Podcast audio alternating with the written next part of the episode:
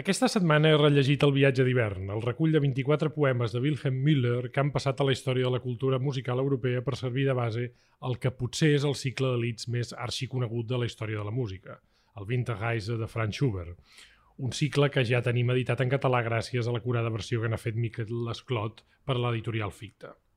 L'illa de Mayans d'avui m'engresca especialment per diverses coses. Primer, perquè espero que us permeti conèixer millor l'ofici d'un poeta com el nostre convidat, que, si existís un guardó d'escriptor i melòman a Catalunya, tindria molts números per guanyar-lo. Desclosa només ha traduït molts poemes musicats pels grans compositors de la tradició, sinó que, a més a més, és l'autor d'un llibre sobre el classicisme titulat L'edat d'or de la música, que és una autèntica delícia i certifica que avui no escoltarem un simple dilatant de la música, sinó un expert musical en tota regla. Amb ell voldria també parlar de l'altre protagonista d'aquest podcast, de Wilhelm Miller, un d'aquests noms de la història de la literatura que el wikipedisme massa imperant en els nostres temps no considera una figura essencial de la literatura alemanya, però del qual n'estic segur se'n poden dir coses més que interessants, o més interessants que bandejar-lo com un simple company de viatge accidental de Schubert. No només en el viatge d'hivern, recordem-ho, per cert, sinó també a la vella molinera. Finalment, faltaria més, parlarem del que més ens agrada parlar, de literatura, de música i, i en aquest cas, de Schubert, i, com no, del que és justament un dels cicles de cançons i de poemes, no oblidem, més sensacionals de la tradició sonora d'Occident. Un camí vocal i musical que no tindria la petja emotiva tan bestial que ens ha deixat eh, esbatanats en escoltar-lo tantes vegades sense el bon ofici també del seu poeta.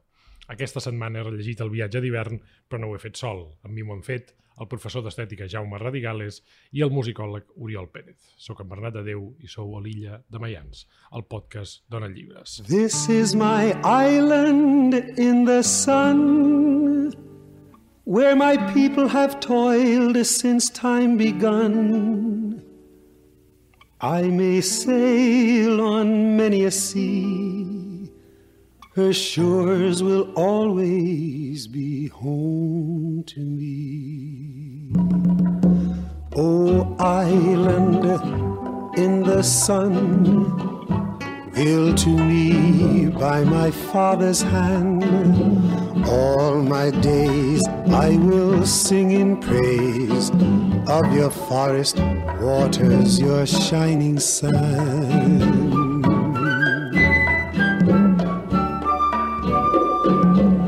Senyor Oriol Pérez, com estàs? Bé, molt bé. Jaume Radigales, Com ben estem? torrat de nou. Gràcies. I tenim aquí en Miquel Desclot, que ha fet l'edició i la versió d'aquest viatge d'hivern. Us volia preguntar als tres una cosa que m'encurioseix moltíssim. Recordeu la primera vegada que veu escoltar el viatge d'hivern? Miquel, la recordes? Haig de reconèixer que no, que no ho recordo. Perquè en deus haver escoltat uns quants. Oh, moltes. moltes. I a més a més en tinc no sé quantes versions a casa, però és l'obra que tinc més repetida en diverses versions a casa. Jaume, tu recordes quina és la primera, quina és la primera audició o què, o quan va ser la primera vegada que et va frapar aquest La primera vegada a l'antiga fonoteca de la Caixa, al passeig de Sant Joan... Carai, eh, al Palau Macaya, Al. Palau Macaya, exacte. Jo devia tenir 14 anys, 14 o 15, i em vaig fer posar la versió, òbviament, d'en Fischer Discau, que no és la que m'agrada més, curiosament he de dir que la que m'agrada més, jo particularment, la de Herman Pry, que és un baríton que també m'agrada molt. En directe em sembla, no, no t'ho sé dir, però segurament la que més em va impactar va ser la que vaig escoltar al Palau de la Música amb el Thomas Quasthoff, aquell eh, baríton alemany sí. afectat de poliomelitis, que va ser una cosa, recordo començar els primers compassos del Guten Nacht i jo llàgrimes avall. Eh, sí, suposo també per colpit per, per la- fi, per l'aspecte físic de- d'aquest d'aquest cantant. No? Em sap molt de greu que el Winterreise estigui tan de moda, perquè uh -huh. penso que es pot acabar frivolitzant. Sí, sí, això és, hi, ha, hi ha algunes obres que no, ho dic d'una manera molt provocativa, les hauríem potser de prohibir durant uns anys Sí. perquè ens tornessin ganes d'escoltar-les. Eh? Com el Requiem de Mozart, El Requiem de no? Mozart, el Messies de Handel, seria escoltar. molt interessant La de novena de Beethoven. posem-hi posem una mica de- d'espai de, i així tornarem a descobrir-les de nou. Oriol, tu te'n recordes? Doncs sí, precisament Thomas Quanshoff farà el Festival de Torroella, mm. amb una versió que, vaja, sobretot em... recordo tant eh, la intensitat per als motius que deia el Jaume, a part de que cantava excel·lentment, però sobretot el silenci que es va crear a l'acabar el, el Leierman. Ja, ja ningú gosava moure's. Va ser una cosa... I és quan et dones compte doncs, que realment... I sí, sí, va ser la primera vegada en viu. Altres vegades sí que m'imagino que ho devia haver escoltat amb, uh -huh. amb algun enregistrament, però sí que va ser Festival de Torroella. Uh -huh. I després en parlarem del Festival de Torroella, perquè em sembla que tenim... Però escolta, abans, abans de continuar, deixeu-me dir que eh, quan el Quastrof va venir per primera vegada a Barcelona i a Mallorca, el vaig presentar jo en les dues ocasions. Ah, per obra i gràcia de la Mari Carmen Palma. Palma. Exactament. I després va venir a Torroella Exacte, sí, i ens vam una gran, saludar pro- perquè ens eh, havia... per, qui no, per qui no la conegui, una de les grans programadores musicals de la història de la gestió a Barcelona i a vegades eh, enyorada per moltes coses, perquè eh, el present no és que sigui excessivament eh, optimista en aquest sentit. Eh, Volia preguntar primer, clar, aquests poemes segurament havies tingut moltes, molta temptació de, de, de traduir-los perquè els havies escoltat moltes vegades, dius, és l'obra Sí. és l'obra que, que tinc més a casa, com és que ha trigat tant aquesta edició en català? Mira, en principi és que no em vaig plantejar mai de traduir el cicle complet. M'agradava tant que vaig traduir-ne una. I després, en, en l'última, eh? en Jaume Cabré, que va publicar un llibre que es deia El viatge d'hivern, potser ho recordeu, un llibre de, de contes, em va demanar que n'hi fes algun fragment més i, i li vaig fer pel llibre. Però no se'm va acudir de fer tot el cicle perquè pensava, eh, no, no ho sé, ja ho, farà, ja ho farà algú. Però arran de, del Festival de Tarruella, l'Oriol justament em va demanar si li faria una versió així de, de batalla per Això no presentar. és del tot veritat, eh? És a dir, no, ho dic perquè amb el pobre, que no li pot dir res més, li vaig encarregar però jo no ho sabia, jo em pensava que el tenia traduït perquè recordava que tenia un poema i em diu, però si no el tinc fet i he de dir, com a magistralitat poètica de traducció, ho va fer en una setmana. Sí, sí, Caram, una setmana. Caram, I em va doncs- dir, però doncs- farem alguna cosa. I realment, doncs, aquella alguna cosa és l'essència. Després suposo que ho devia revisar Sí. o alguna És a dir, va ser una setmana intensa, perquè... Molt intens. perquè D'estiu, això- una perquè- setmana d'estiu. I a més a més d'estiu, d'estiu, eh? Que, no, que no seria fàcil, eh? Llavors fet- vas, vas fer una primera versió, suposo. Exacte, i la vaig deixar aparcada, va sortir en el, en el programa demà. Després en algun altre, per exemple a Vila Bertran, em van demanar de fer servir aquelles versions i, i vaig començar a dir, ah, doncs potser estaria bé que ho revisés. Uh -huh. I finalment, fa tres anys, em sembla, a Vila Bertran em van demanar de fer una conferència sobre el poeta. I, i jo el coneixia bastant sumàriament. Llavors m'hi vaig llançar, dic, a veure, eh, què, més, què més sabem d'aquest home? I en sabem molt poca cosa perquè aquí no, no és ni, ni conegut ni interessa. Quan vaig haver fet aix- això vaig dir, ara és l'hora de, de presentar tot el llibre. Vaig fer, per tant, una presentació del poeta i una revisió del text i el vaig anar a oferir a les editorials I va haver-hi un, clam, va haver un clam, suposo, no? les editorials més importants del país no els va interessar. Doncs deixem-ho notat. Deixem-ho I, notat. i jo crec que val la pena que se sàpiga. I és sintomàtic, Sí. perquè si un dels cicles d'elit més importants que a més a més per primera vegada es tenien aquesta nostra petita però gran llengua no I- interessava, doncs I ja que I interessarà. que a més a més eh, era la presentació d'un poeta, d'un poeta mig conegut, mig desconegut, i que valia la pena que una editorial de poesia s'interessés. No, no els va interessar. Doncs, eh, carai, hauríem de deixar molts silencis en aquest podcast, però, però vaja, eh, deixem que cada oient se'n faci, se, se'l faci seu. Què vas anar descobrint de Miller que, és, que sigui interessant? Doncs que era un, una autèntica potència literària. Jo, esclar, em pensava que, que era un poeta que havia escrit poques poesies, de fet no en va escriure gaires, eh? però va treballar moltíssim. Em vaig quedar parat de veure la, el currículum que tenia aquest home que va morir als 33 anys. Uh, a part que, que té altres, altres dedicacions, com anar a la guerra, per exemple, es va oferir de voluntari per anar, anar a lluitar contra Napoleó, etc etc. Però deixeble mm, de, del pare de la filologia clàssica moderna, de Wolf. Per tant, un classicista eh, capaç de, de traduir el que volgués, d'es- d'escriure una introducció a Homer, etc etc. I aquest home intenta una cosa molt curiosa a l'època, que és anar a l'essència de la cançó tradicional, popular. D'un home tan savi, penses, és curiós no?, que es dediqui a això i que es dedica a veure les cançons tradicionals italianes, les gregues, eh, etc. I per tant que estudia les estrofes... Eh, els, Ho estudia molt a fons, fins I, al I la relació amb el cant, no? Perquè, eh, Des de ben jovenet, des de ben jovenet, diu jo, no sé ni tocar ni cantar. Diu, però si pogués fer-ho seria la realització total de, de la meva obra. I el pobre home no sabia que Schubert ja estava a punt d'escriure les seves poesies en, en música. No? Aquest, aquesta imbricació total entre paraula i música és una de les coses que fa que aquest sigui un cicle especialment celebrat, no, Oriol? Sí, jo diria que gairebé podríem dir de que és una mena d'avançala d'allò que després algun va dir la Gesam Kunstwerk, la seva relació de text-música. També la rapidesa que era capaç Schubert d'escriure un lit. Sí, I sí. és absolutament sorprenent. I d'entendre la profunditat extraordinària d'aquest viatge, que és també un viatge musical, perquè també és un viatge que bé, comença de nit i també acaba de nit per entendre'ns, perquè clar, partim aquí d'una nocturnitat evident, però que hi ha aquests moments d'esclats de, de llum en els poemes de Müller i que, i que Schubert reflecteix molt bé. I aquí m'agradaria també que en Miquel aclarís que l'ordre de la disposició original de l'obra de, de Müller, eh, Schubert se la fa seva i la, la canvia per intencions, suposo, narratives, dramàtiques, però que també trobem, per exemple, amb, amb la vella Molinera, no? que també ve d'aquell esclat de llum, amb aquell primer, primer, primer lit, i anem a poc a poc també cap a la, cap a la mort, no? que, que també és amb textos del, del mateix Müller. El que és curiós d'aquesta història de la construcció del cicle liderístic és que Schubert eh, no coneix pròpiament el cicle fins massa tard i coneix 12 poesies que havia publicat Müller en una revista literària. I li va agradar tant, perquè Schubert, no ens enganyem, era un gran lector de poesia, no, sabia sí. molt bé el que feia, va dir, ostres, això és el que m'interessa a mi. I va i ho, i ho musica tot, totes 12, però com un cicle, per tant, pensat orgànicament com a tal. I llavors, al cap de poc, li descobreixen que el cicle és el doble de llarg i que n'hi ha 24 i que estan en un ordre diferent, lleugerament diferent de, la, de les 12 que ha fet. I llavors l'home pensa, bueno, haig de fer les 12 que queden, en tenia moltes ganes, però no volia refer la part ja feta, perquè ja tenia un, una estructura musical. I llavors el que fa és una segona part, amb, amb un intent de completar aquesta idea fins a les 24. I el que és bonic de tot plegat és que això no afecta l'essència del cicle, perquè la cosa bonica del cicle de Müller és que no hi ha un fil narratiu pròpiament dit. Uh -huh.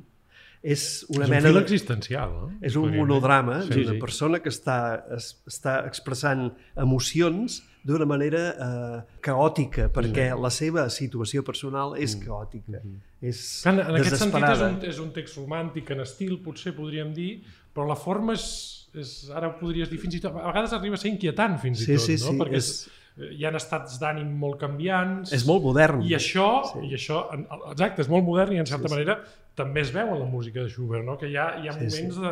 No hi ha una linealitat operística, No, no, no, sinó que de tant en tant et, et deixes batenar. Dius, hosti, Sí, estem sí, passant sí. d'un moment de tristor, un moment de petita esperança, un moment de refugi, després un moment... I al final, evidentment, aquell camp final, que és una cosa...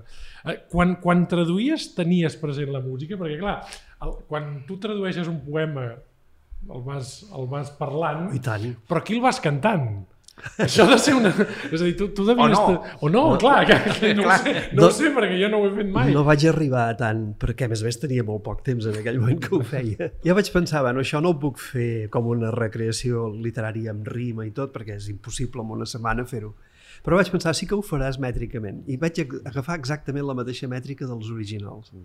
I per tant, el que em vaig adonar més tard és que es podia cantar. De fet, el concert de la Stutzmann, que això va Que ser va per ser el la- concert per de la la Natalie Stutzmann, Una contralto fantàstica, sí. Tot i que no va ser una nit gaire afortunada, eh? No, de no dir, no va ser... Bueno, ell és, ell és més una contralt més coneguda pel repertori barroc, o fins i tot ara està dirigint orquestres, però... però I tant, eh? l'orquestra d'Atlanta, però no, Sí. va passar de que era una residència i allò ja havia arribat, doncs havia fet abans diferents coses, però bé, també cal dir Així i tot es- va estar no, bé. Va estar, va estar bé, sí. Una música excel·lent, però potser no la millor Winterreise que hem escoltat mai. Sí, El, el, entre el públic hi havia l'Antoni Rosborbà aquell dia. Uh Mhm. -huh. I llavors va i se m'acosta i em diu, escolta, tu, diu, això es pot cantar?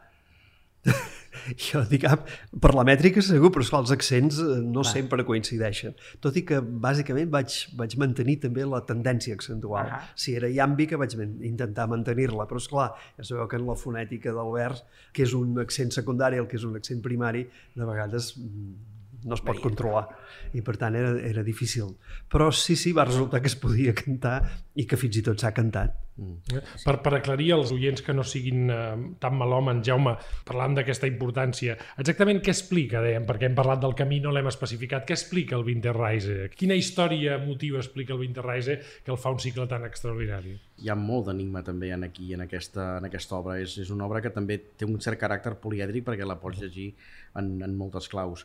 Per mi, jo sempre l'he tingut com eh, l'experiència de l'últim viatge en l'hivern de la vida, per entendre'ns, en el moment en el que ja ho, ja ho has fet tot, ja ho dones tot per, per, per perdut o per fet i finalment et fons en una mena de, no diré de mort exactament, però sí potser una mena de transfiguració a través del poder de la pròpia música, perquè ell escolta aquell home que toca la, la viola de mà, no? és una, el Leierman, i es fon, es fon amb l'essència de tot. Eh, és una, un viatge cap a l'existència altra o cap a la no existència.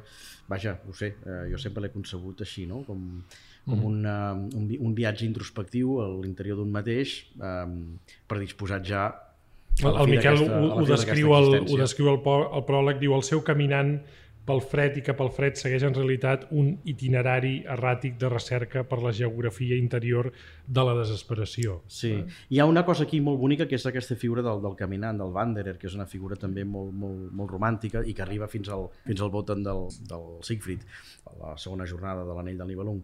I que a més a més a mi sempre m'ha abocat, tot i que intento sempre amb la música que no m'aboqui imatges, a excepció evidentment de, de l'òpera, però a mi inevitablement sempre m'aboca les, algunes de les pintures més solitàries de, de Friedrich, aquest uh, uh -huh. pintor extraordinari, que pinta sempre això, no? aquest home eh, empetitit eh, i, i davant d'aquella magnificència d'una naturalesa que té molt poc a vegades d'afable i d'amable, que pot ser perfectament hostil. No? Una mica evocant també la, el principi estètic del, del sublim, no? d'aquella cosa inconmensurable que tens davant teu i que no pots, no pots controlar, no? i que et depassa els límits de la, de la raó. Una mica això.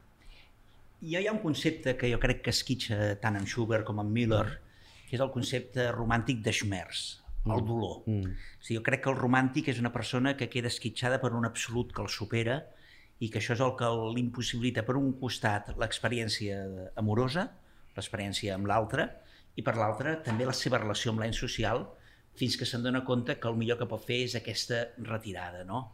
I per tant, d'alguna forma, a mi em sembla de que més que trobar una temàtica, un relat amb aquest, jo penso que aquí hi ha una aposta més per al despertar de diferents estats anímics que en el fons acaben per constituir tot un peregrinatge, tot un viatge, mm. i en el fons, i per exemple, hi ha una cosa que sempre m'ha fet pensar, no?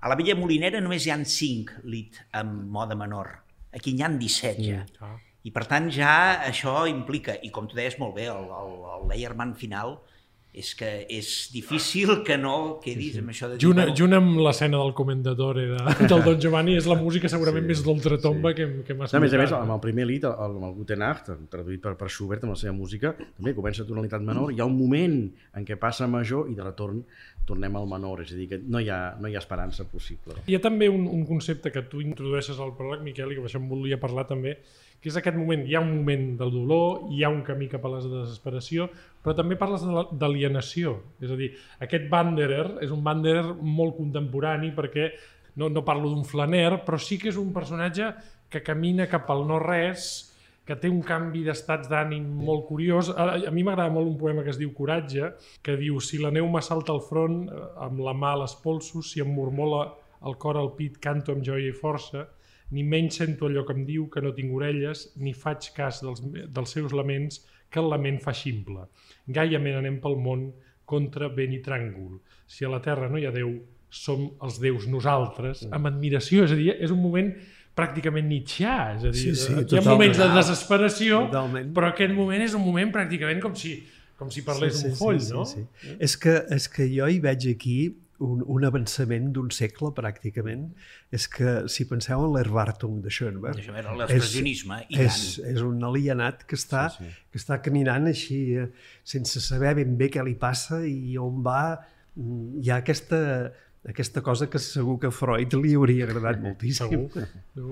Ah, pel que fa a l'estil del, del poeta, perquè hem parlat una mica de la seva mètrica, del seu afany per la, per la cultura musical, aquí tenim, afortunadament, que és com hauria de ser sempre, i felicitem a Ficta per fer una edició bilingüe, Sempre m'agrada preguntar la, als, als traductors eh, quines dificultats hi has trobat. És un alemany per, particularment dens, particularment difícil de traduir? És una llengua molt estilitzada? Quin, quin estil té Miller? És una llengua molt estilitzada. Jo potser no sóc el més indicat per filar prim aquí perquè no sóc germanòfil mm. i no he estudiat germanística tampoc, però és un, hi ha una voluntat de claredat que, que ell justament eh, mantenia contra poetes de la seva pròpia generació. Per exemple, Rückert, que ha estat molt mm-hmm. musicat, mm -hmm. era un poeta molt més sofisticat, molt més alambinat, sí. i ell això li... Li, li retreia, sí, sí. Sí, sí, li, li feia... Sí, més enfaristolat, fins i tot a vegades. O l'August von Platen, que també era un gran poeta, mm però també era un, un sofisticat que, que a ell no li interessava. Ell deia que l'essència de l'expressió és aquella que és capaç d'influir en la vida en la vida de cada dia. Diu, i això és el que ha aconseguit la cançó tradicional. I nosaltres hauríem d'aspirar a això. Uh -huh. I aquesta idea justament és el que va fer que després els músics se n'enamoressin, perquè els poetes, els, perdó, els compositors romàntics, el que pretenien, i Schubert al capdavant, és fer una sublimació de la cançó tradicional. Una cançó culta que fos una sublimació de la cançó tradicional. Que això és dificilíssim, eh? és molt més difícil que escriure sonets barrocs jo una, pues... una altra cosa que em sorprèn molt és també les ressonàncies que em porten. És a dir, parla molt d'aquesta eh, sublimació del cant popular, que és en definitiva uh -huh. l'esperit del poble, el Volgeist sí. que vindria de Herder. Però, per exemple, altres moments, tu abans eh, al·ludies a la pintura de Friedrich, i amb altres em porta a ressonàncies de Novalis. Uh -huh. Per exemple, Novalis i tota la seva relació amb Sofia en el poema d'Asbirshaus, l'hostal, no? diu, m'ha dut a un cementiri avui al meu camí. Mm -hmm. Precisament una persona que se n'anava al cementiri al mm. costat de la tomba mm -hmm. i que ja tenia tota la seva, seva experiència poètica i filosòfica. No ho sé. A mi m'agradaria, Miquel, abans d'acabar, abans perquè el temps se'ns eh, tira sobre, ja que tenim un poeta a la sala, mm -hmm. per dir-ho així, eh, sempre es diu, hi ha un metge a la sala, però ja que tenim un poeta a la sala, mhm. que ens en recitessis un d'alguns quin és el, per dir-ho així, el teu, el teu preferit, el teu el, Bé, el poema jo també que... vull una mica sí. com excusar que de, de fer aquestes animalades, home, jo n'he fet moltes, eh? I més que espero fer-ne, però clar... I, i els que t'estimem esperem que en facis més, però sota, no. sota un cert control. Però clar, la, la de demanar un poeta que tradueixi una setmana no va, ben, no va anar ben bé així. Resulta que el Miquel havia traduït Der Leiermann i jo pensava que havia fet tot el cicle.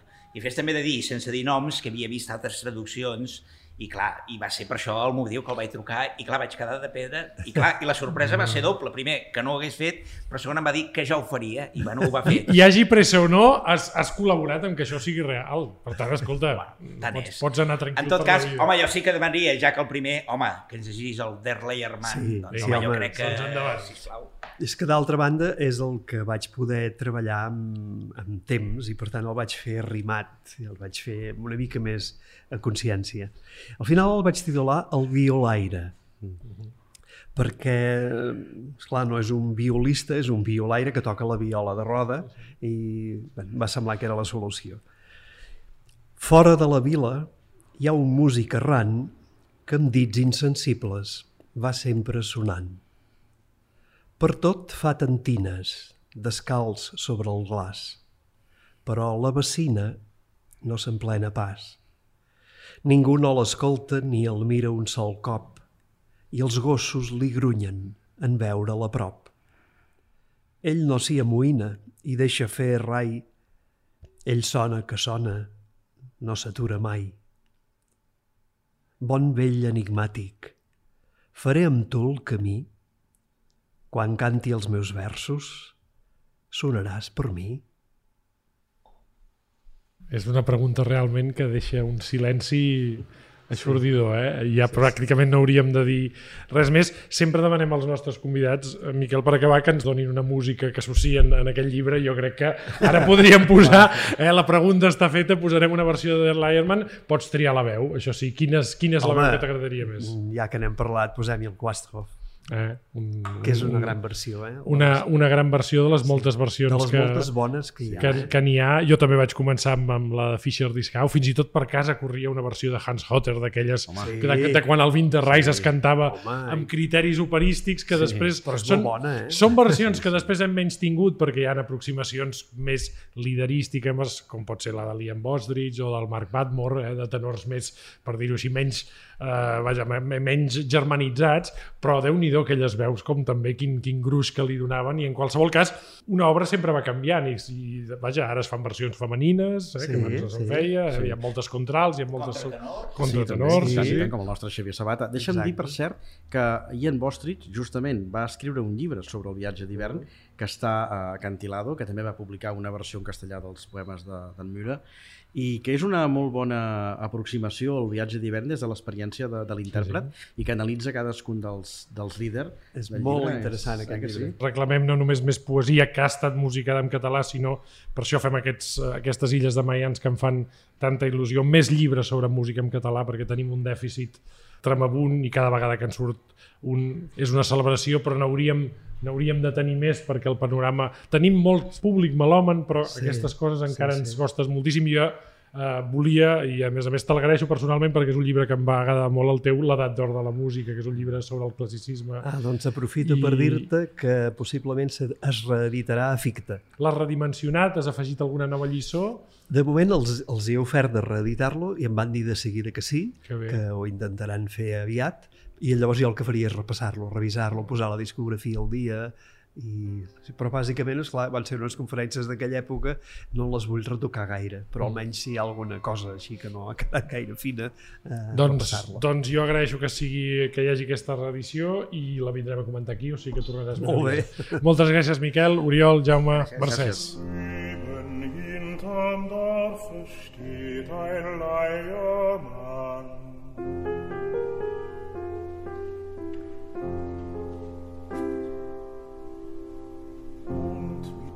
Starren Fingern dreht er, was er kann.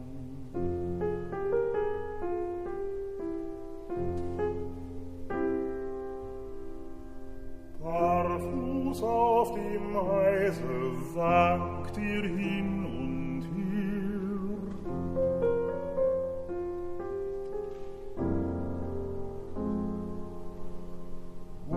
sein kleiner Teller bleib ihm immer leer.